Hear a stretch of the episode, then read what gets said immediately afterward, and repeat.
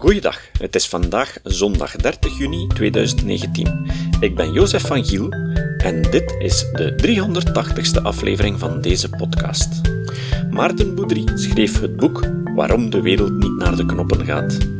Daarin gaat hij in tegen het doemdenken en toont aan dat we eigenlijk in de beste tijd ooit leven en dat we de problemen die er zijn het beste oplossen met wetenschap en technologie.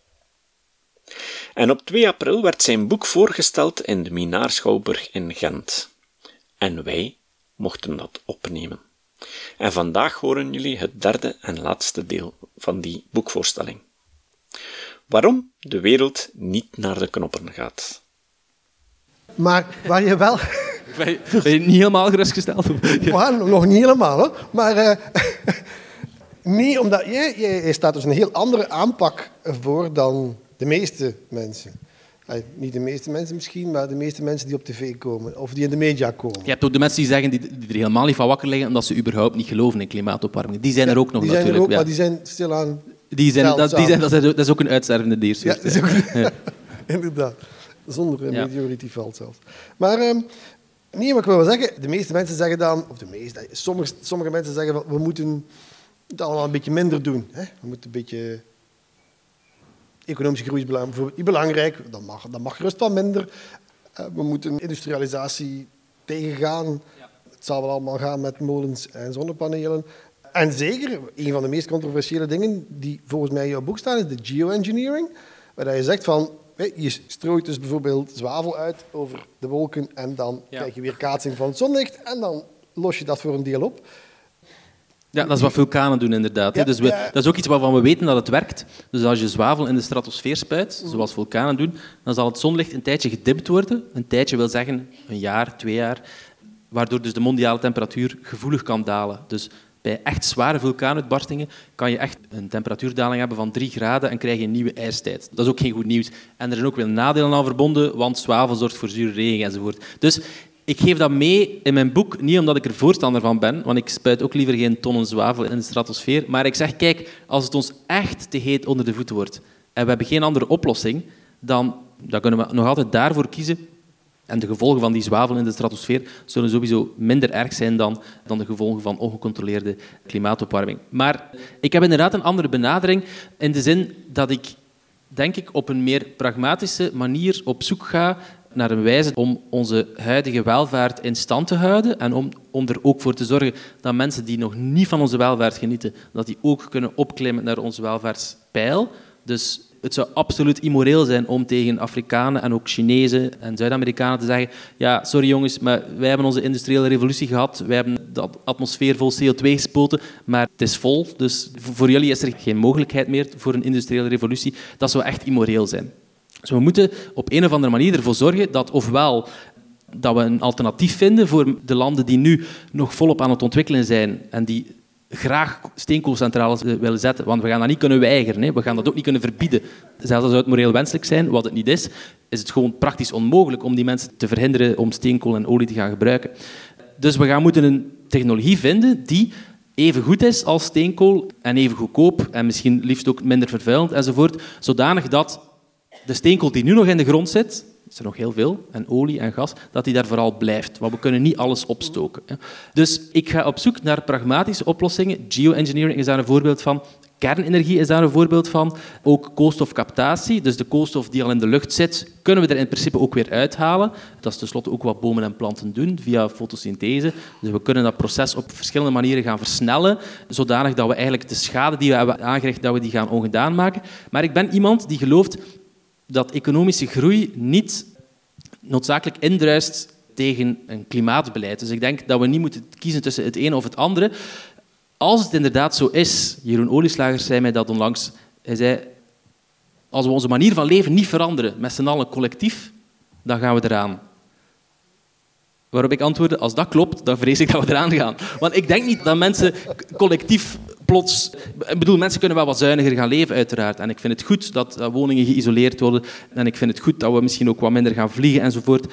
Maar je kan niet van mensen verwachten dat ze hun welvaart plots opgeven. En wij zijn allemaal verslaafd aan fossiele brandstoffen. Soms op manieren die we niet beseffen. Maar ja, alle technologie die we gebruiken, onze smartphones bijvoorbeeld, die ook de scholieren natuurlijk uh, graag gebruiken, die, ze gaan dan misschien niet op een vliegtuig stappen, maar al die moderne technologie die is indirect via industriële processen toch heel sterk afhankelijk van fossiele uitstoot. Dus ik denk niet dat het realistisch is om van de hele wereldbevolking, en zeker niet van dus arme mensen die nu nog aan het ontwikkelen zijn, om te gaan verwachten dat ze die welvaart gaan opgeven. We gaan moeten technologische manieren vinden om die welvaart tot stand te brengen en die welvaart in stand te houden zonder fossiele energie. Want in principe hebben we die fossiele energie niet nodig. Wat fossiele energie voor ons doet, is het levert een dienst, namelijk energie elektriciteit die 24 uur op 24, 7 dagen op zee beschikbaar is. Dat kunnen we in principe ook op andere manieren. Kernenergie is daar mijn geliefkoosde oplossing voor, maar zon en wind hebben daar zeker ook een plaats in. Dus er zijn manieren om van die verslaving van fossiele brandstoffen af te raken, maar het zal voornamelijk om een eh, technologische doorbraak gaan en niet zozeer, denk ik, om een collectieve gedragswijziging. Want zelfs al zouden we allemaal minder gaan vliegen en onze woningen isoleren en allemaal elektrisch gaan rijden enzovoort, dan zijn we echt nog lang niet eh, bij het punt waar we moeten uitkomen. De echte grote wijzigingen, die gaan er echt komen door, door technologie. Dat is ook de kracht van kernenergie natuurlijk, dat je de energiedichtheid van uranium is denk drie miljoen keer zo hoog als de energiedichtheid van olie en steenkool. Er zit een gigantische hoeveelheid energie vervat in dat uranium. Dus je kan op een heel klein oppervlakte ook, met relatief weinig middelen, kan je enorme uh, hoeveelheden energie produceren. En, nogmaals, een kerncentrale stoot geen CO2 uit. En ik heb dus het gevoel, dus dat, dat is het laatste wat ik wil zeggen, dat veel groene activisten ja, vooral bezig zijn met ideologische aannames, met hoe de samenleving er volgens hen moet uitzien. En dat zij vooral willen dat we het systeem veranderen, ja, op een of andere manier het kapitalisme of de industriële samenleving.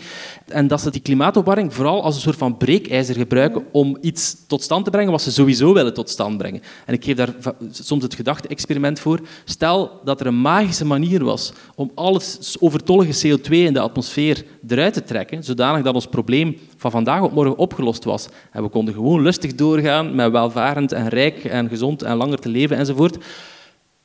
Zouden die activisten dan content zijn? Ik zou content zijn, want dan is het probleem van de baan. Dan kunnen we zorgeloos de, ook ja, grondstoffen blijven gebruiken en dan hebben we geen last meer van die klimaatopwarming. Ik heb het gevoel dat veel van die activisten eigenlijk stiekem een beetje teleurgesteld zouden zijn, omdat die systeemwijziging dan niet langer nodig is. En soms verdenk ik ervan dat dat ook de reden is waarom ze tegen kernenergie zijn, omdat kernenergie net die belofte in zich draagt om de kapitalistische, industriële samenleving van vandaag, om die verder te zetten zonder dat we dus het hele systeem moeten wijzigen. Vandaar ook dat ze bijvoorbeeld tegen de Mira-reactor zijn. Ja, de Mira-reactor die nu bezig is, dus een onderzoekscentrum in België, dat nieuwe generaties kerncentrales ontwikkelt die het afval, dus, dus het afval die onze huidige centrales produceren, die dat gaan recycleren, zodanig dat we eigenlijk twee vliegen in één klap slaan. Namelijk, we lossen het afvalprobleem op, of bijna helemaal op, en alle energie die vervat zit in dat afval, die zetten we om in nuttige elektriciteit. Vind ik geweldig, want zelfs de energie die we nu uit uranium halen, is slechts een fractie, het is een paar procent of zo. Dus er is heel veel energie die verloren gaat en die we er nog zouden kunnen uithalen. Dus daarom moeten we ook volop blijven inzetten op onderzoek, want dat is volgens mij een van de meest beloftevolle pistes op dit moment, die nieuwe kerncentrales. Mm Daar ben ik het volledig mee eens. Maar... Uh nu, omdat je dat te zei van die... Ah, je vloekt in de Groene Kerk. Nee, nee, ik ben altijd voor kernenergie geweest, sorry. Ah, ja. ik, ik, heb altijd gevloekt tot het af en toe. Maar uh, nee, van die, die politisering van dat debat vind ik dus ook wel. Want ik zag dan van hier een betoging in Gent van zo allemaal kindjes van een jaar of zes, zeven, die dus uh, door een juf of zo een bord omhoog moesten houden erop stond. Ik sterf van het kapitalisme. En dan Echt denk waar? Ik, ja, en, ja. en dan denk ik van, wat heeft dit nog met klimaatwijziging ja, ja, dat is waar. Nee, en het werkt zelfs averechts puur strategisch. Op het moment dat conservatieve mensen, mensen die ja, hier voor de NVA of voor het Vlaams Belang stemmen, als zij de indruk krijgen dat de klimaatopwarming vooral wordt ingezet als breekijzer om het kapitalisme te vernietigen, en dat het veel meer met ideologie te maken heeft dan met echt gewoon zoeken naar een oplossing voor een probleem, dan gaan zij nog veel meer geneigd zijn om het hele probleem van klimaatopwarming af te doen als een complot. Want dat doen ze dus vandaag. Zij geloven dat het IPCC, dus die instelling van de Verenigde Naties, dat hij mee in het complot zit en dat hij dat heel dat verhaal over klimaatopwarming gewoon heeft verzonnen om een sterkere overheid, eh, om de vrije markt te beteugelen enzovoort. Dat is onzin, maar het is begrijpelijke onzin. In die zin, het is onzin die gevoed wordt door wat jij nu net beschrijft. Dus kinderen van zeven jaar die op straat gaan lopen, die dat uiteraard niet zelf bedacht hebben, met zo'n plakkaat van ik sterf door het kapitalisme. Of Naomi Klein, de bekende anders globaliste, die een boek schrijft, Capitalism versus the Climate. Ja, dat is echt absoluut wat je niet moet doen. Want daardoor gaan mensen nog meer in hun schulp kruipen en gaan ze nog meer bevestigd worden in een overtuiging van och, heel dat gedoe over klimaatopwarming, dat is gewoon een fantasietje van de hippies die al in de jaren 60 het kapitalisme wilden vernietigen en nu hebben ze weer een andere reden gevonden. Ja. ja. In je boek heb je het er eventjes over, eigenlijk niet uitgebreid, maar ik vind dat eigenlijk wel een heel belangrijk punt. Dat is, welke rol spelen de media in heel de geven zij volgens jou een objectief beeld van wat er speelt, of zijn ze iets of wat voor ingenomen? Wel, ik zet de media een beetje uit de wind. In die zin, ik vind het altijd iets te gemakkelijk om alles op de media te steken. Want eh, ook de media natuurlijk smeden geen complot tegen ons. Het is niet dat ze zo op redactievergadering zo is goed bedoeld, in, in, hun handen zitten te wrijven van we gaan mensen nee. wijsmaken dat de wereld naar de knoppen gaat. Dus de media leveren het nieuws dat mensen graag willen lezen. En voor een deel is dus het, nieuws dat we in de krant lezen een uitvergroting van bepaalde psychologische neigingen die wij allemaal hebben. Dus ik begin inderdaad met de vaststelling, kijk, als je de krant openslaat, als je de tv aanzet, dan krijg je inderdaad de indruk dat het de verkeerde kant op gaat. Terreuraanslagen, natuurrampen, staatsgrepen, hongersnoden, epidemieën enzovoort. Media besteden aandacht aan zaken die slecht gaan. Maar in plaats van het daarbij te laten, in plaats van echt de zwarte piet naar de media door te schuiven, zeg ik, ja, maar hoe komt het dat de media dat doen? En daar heb ik drie wetten voor ontwikkeld, drie wetten voor de aantrekkelijkheid van pessimisme. De eerste is de wet van de onzichtbaarheid van vooruitgang. Dat wil zeggen dat slecht nieuws doorgaans, bijna altijd, veel meer opvalt dan goed nieuws ineenstortende gebouwen, terroristen die een aanslag plegen, een tsunami die over het land dendert, een beurs die crasht, een bedrijf dat sluit, mensen worden op straat gezet. Dat zijn allemaal zaken die heel duidelijk zijn afgebakend in ruimte en tijd. Prachtig voor een hoofdredacteur, die kan daar een journalist op sturen, die kan daar een verslag over uitbrengen en daar kan een verhaal over geschreven worden in de krant. Vooruitgang daarentegen verloopt meestal onzichtbaar en zo geleidelijk aan dat je het eigenlijk nauwelijks opmerkt. Armoededaling is bij uitstek een voorbeeld van de wet van de onzichtbaarheid van vooruitgang. Als een krant de afgelopen 30 jaar elke dag op de voorpagina had gekopt, vandaag alweer 137.000 mensen uit de armoede getild, dan zou die krant geen fake news gebracht hebben, maar accuraat verslag gedaan hebben van de toestand van de wereld. Als je dus omrekent 30 jaar geleden vergeleken bij nu, hoeveel mensen er toen in extreme armoede leefden en hoeveel vandaag, dan krijg je dus een daggemiddelde van 137.000 mensen. Nu, die 137.000, dat is een statistische abstractie. Die mensen die leven niet in één stad, je kan daar geen reporter op afsturen, die kennen elkaar niet, die steken ook niet een magische drempel over of zo, alsof ze s'morgens wakker worden en beseffen van, hoera, ik ben niet langer arm. Het is uiteraard iets dat zeer geleidelijk gaat, waardoor het nauwelijks opvalt. Maar het doet zich wel voor. Dus dat is de eerste wet van pessimisme. De tweede wet is de... de even zelf denken. Dus de wet van onzichtbaarheid van slecht nieuws. Uh, de, de wet van behoud van gezeik, dat is de derde wet. En... Uh, wacht hoor. De, ik zal eerst de wet van behoud van gezeik opleggen. Ja, dat is de wet die stelt dat hoe goed het ook gaat met de wereld, het is een beetje een stoute wet, omdat, omdat ik het ja, nogal ridiculiseer. Maar hoe goed het ook gaat met de wereld, de hoeveelheid gezeik in de wereld blijft altijd ongeveer constant. Dat heeft te maken met een psychologisch verschijnsel dat naarmate we meer welvaart genieten, naarmate we in vrede leven en in veiligheid, raken we daaraan gewend. Alles wendt op den duur, ook de zegeningen van onze moderne tijd. En we raken gevoeliger voor zaken die daarvan afwijken. Vroeger werd er 50 keer meer gemoord dan vandaag. Dus in de middeleeuwen bijvoorbeeld was de kans dat je iemand je de hersenen insloeg 50 keer zo hoog als vandaag. Maar wanneer een moord vandaag gebeurt, zijn we zodanig verbouwereerd, omdat we dat bijna nooit meer meemaken, dat we er ook harder door geschokt zijn. Waardoor we de indruk kunnen krijgen dat het de verkeerde kant op gaat met de wereld. Als je nooit armoede hebt gekend, ja, je vindt het vanzelfsprekend dat je elke dag opstaat en dat je kan eten wat je wil en dat je naar de supermarkt gaat en dat, al het voedsel dat, dat, je kan bedenken daar aanwezig is, dan ga je, je je standaarden ook opschuiven. En als er dan plots iets is dat daarvan afwijkt, dan gaan mensen soms moord en brand gaan schreeuwen. Wat eigenlijk begrijpelijk is, omwille van dat proces dus van, van psychologische aanpassing. Dat is de wet van, van behoud van gezeik. Dus naarmate de wereld vooruit gaat, gaan we onze standaarden ook gaan opkrikken en schrikken we harder als daar iets van afwijkt. Nu weet ik ondertussen de tweede wet. De wet van de snelheid van slecht nieuws. Die stelt, dus ontleend aan eh, Douglas Adams, een Britse schrijver, niets reist sneller dan het licht, behalve slecht nieuws. Slecht nieuws beantwoordt aan zijn eigen bewegingswetten. Slecht nieuws verspreidt zich als een lopend vuurtje, heeft dat altijd gedaan, maar vooral in ons moderne tijdperk natuurlijk, reist slecht nieuws sneller dan ooit tevoren. Neem die tsunami van daarnet, de tsunami in 2004 was het zeker, in Zuidoost-Azië, die overal dood en vernieling zaaide in verschillende landen.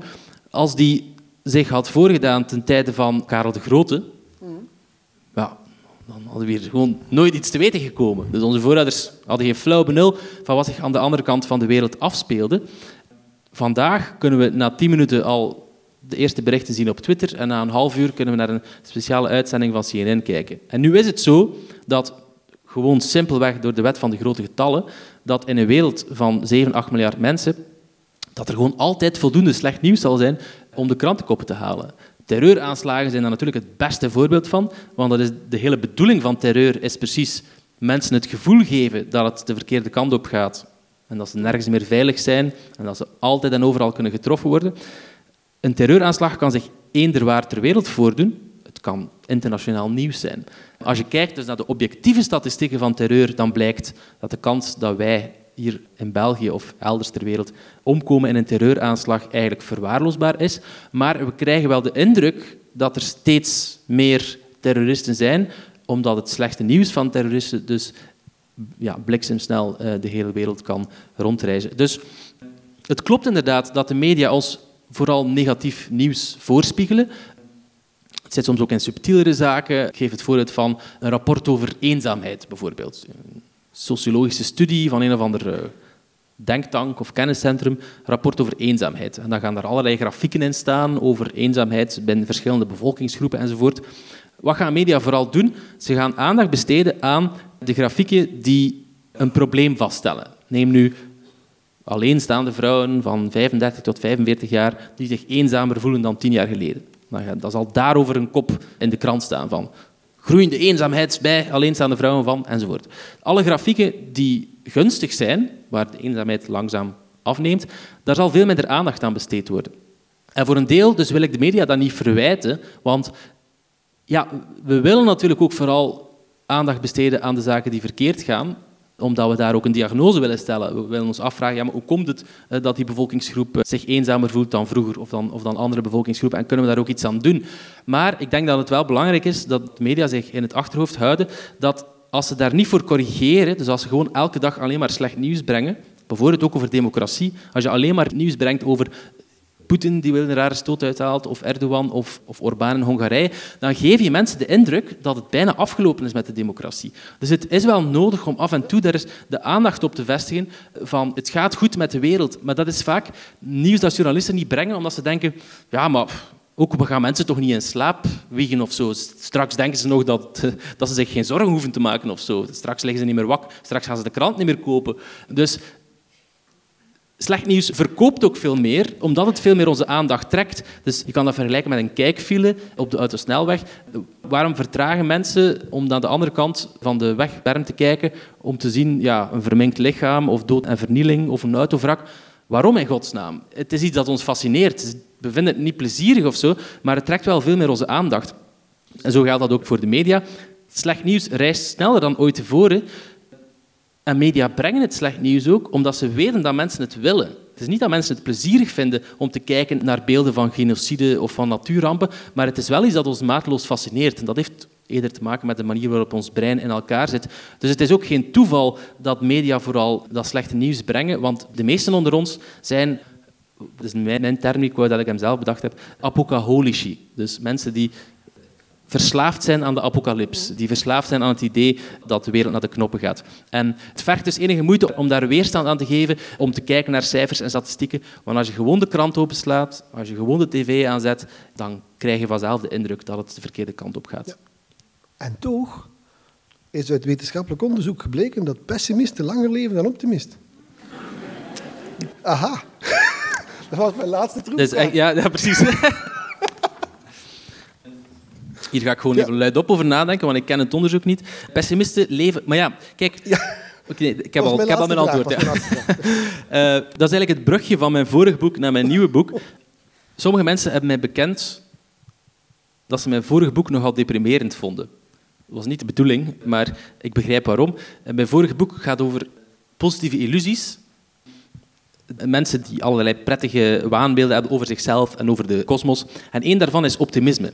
En dat is niet in strijd met alles wat ik daarnet verteld heb, want als het over een persoonlijke leven gaat, zijn mensen heel erg optimistisch. Dus mensen denken zelf dat ze lang en gezond zullen leven, dat hun kinderen allemaal succesvol gaan zijn, dat ze trouwens ook getalenteerd en knap en slim zijn enzovoort. Dus mensen hebben prettige ideeën over zichzelf, maar als het over de samenleving gaat, dan zijn ze plots veel somberder gestemd. Dus het ligt eraan wat je precies bedoelt. Wat ik wou eerst zeggen, dus sommige mensen vonden mijn vorige boek deprimerend, omdat ik dus ja, daar de boodschap verkondig dat de waarheid altijd beter is en dat we dus die prettige waanbeelden over onszelf, dat we die beter doorprikken. En sommige mensen vinden, ja, maar hebben we die illusies niet nodig en is het niet wat troosteloos om zonder illusies te leven? En toen dacht ik, ja, ik moet een antigif injecteren tegen mijn vorig boek. Ik moet een positief verhaal schrijven. Want als het over de wereld gaat, zijn de meeste mensen niet te optimistisch, maar is het net andersom. Zijn de meeste mensen te pessimistisch. Dus als je zegt, pessimisten leven langer dan optimisten, dan zou mijn eerste vraag zijn, ja, maar pessimisten over wat? Want dus... Ik wil dat wel uitleggen. Hè? Ah ja, graag. Ja. Dus het, is zo, het is eigenlijk een flauw onderzoekje dat ze gedaan hebben. En het komt er dus op neer dat wanneer een pessimist iets voelt, denkt hij van shit, ik heb kanker, die gaat naar de dokter. Ah, ja. Terwijl als een optimist iets voelt, die denkt van dit is allemaal niks, dat zal wel vanzelf weggaan. En die is een jaar later dood. Dus... Ja, ja. Dat heet in de wetenschap een selectiebias. Dus de, ja. Je, je, hebt trouwens ook een beroemd citaat van Reinhold Niebuhr, ben het kwijt, die zei, een beetje schamp, een beetje frank, van de optimisten in de jaren 30 in Duitsland die zijn in de gaskamers terechtgekomen. En de pessimisten zijn net op tijd gevlucht, omdat ze wisten wat hen boven het hoofd hing. Ik ben, ben vergeten van wie het citaat precies is. Het is natuurlijk zo dat ja, zowel optimisme als pessimisme kunnen een bias zijn. Een bias in de zin van een vooroordeel. Dus je kan de wereld met een roze bril bekijken, of je eigen leven met door een roze bril, of je kan de wereld te zwart bekijken. Allebei de illusies hebben hun nadelen. Dus in die zin verkondig ik eigenlijk hetzelfde verhaal als in mijn vorige boek, namelijk de waarheid is altijd beter, Alleen is de waarheid over onszelf soms iets minder dan we denken, maar de waarheid over de wereld is een stuk beter dan we denken. Optimisme heeft nadelen. Mensen die bijvoorbeeld denken, oh, maar de, dat bobbeltje hier eh, in, in, in, mijn borst of zo. Of, of, eh, of, of, of... Dat is geen grap, het blijft dus echt zo Ja, ja dus dat de mensen die denken dat, ze, dat gevaarlijke kankers en zo, dat, dat die hen niet zullen overkomen en dat zij wel lang en gezond zullen leven, dat is gevaarlijk. Nu, te denken dat alles aan de knoppen gaat, kan ook gevaarlijk zijn. Ook, pessimisme genereert ook stress voor je persoonlijke leven, maar ook doemdenken over overbevolking bijvoorbeeld. Dat is het, het voorbeeld dat ik in mijn boek uitwerk. Mensen die echt een gitzwart toekomstbeeld hadden over overbevolking in de jaren 60 en 70, onnodig. Want het overbevolkingsprobleem hebben we ondertussen bijna helemaal opgelost. Dus de bevolkingsgroei is al sterk afgenomen. Maar die mensen die gingen dan dingen bedenken als gedwongen sterilisaties, vergiftiging van het drinkwater. Uh, we gaan geen voedselhulp meer sturen, want dan kweken ze alleen nog maar bij. Dus echt dus gevaarlijke dingen. Dus te optimistisch zijn kan gevaarlijk zijn, maar te pessimistisch zijn zeker ook als het over de wereld gaat, kan zeker ook tot remedies leiden die erger zijn dan de kwaal. Zo, zo druk ik dat uit.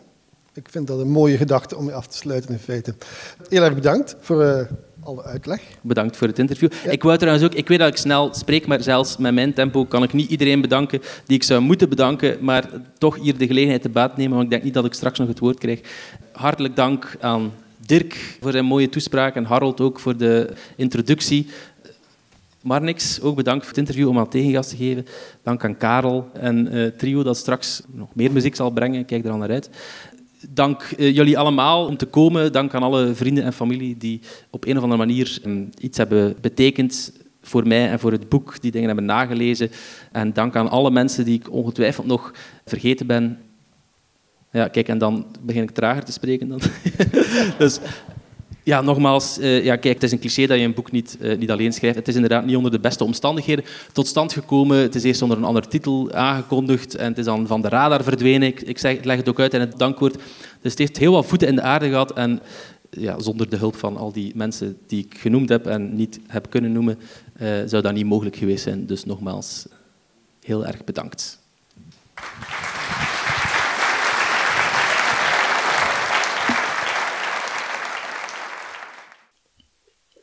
Het citaat. Het citaat van vandaag komt van Steven Pinker.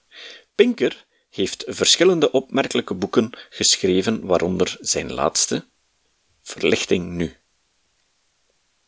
Met de verkiezingsresultaten in België is dit boek meer dan actueel. Pinker zei: het ergste ongeval met een kerncentrale was de ramp van Tsjernobyl in 1986. Ze was de schuld van operatoren uit het Sovjet-tijdperk die de veiligheid roekeloos verwaarloosden. In werkelijkheid is het risico van ongevallen of meer kankers buitengewoon klein in vergelijking met de schade die het verbranden van olie en steenkool aanricht. En die schade aanvaarden we, Fukushima in 2011 was een andere beruchte kernramp, maar het ongeval in de centrale zelf heeft geen enkel mensenleven gekost. De slachtoffers waren het gevolg van een slecht geplande evacuatie van de omgeving. Geen enkele technologie is volledig veilig, maar steenkool en olie zijn enorm gevaarlijk. Je moet ze diep uit de bodem halen, mensen verbranden ze en ze veroorzaken pollutie. Daar moeten we rekening mee houden als we over onze energiebronnen nadenken. Het zou fantastisch zijn als zon en wind in alle energiebehoeften van de wereld kon voorzien. Maar ik heb nog geen enkele analyse gezien die aangeeft dat het kan. Tot de volgende keer. Dit was de podcast Kritisch Denken. Vergeet niet om alles kritisch te behandelen, ook deze podcast. Voor verdere informatie over deze podcast, links en voor de tekst, surf naar www.kritischdenken.info. Als je deze podcast belangrijk vindt, kun je me steunen door anderen warm te maken ook eens te luisteren. Stuur een e-mail naar vrienden met een link naar de website en plaats de link in de handtekening van je e-mails. Tevens kun je op iTunes deze podcast een beoordeling geven of een recensie schrijven. Of je kan op je eigen website of blog een link naar kritisch denken plaatsen.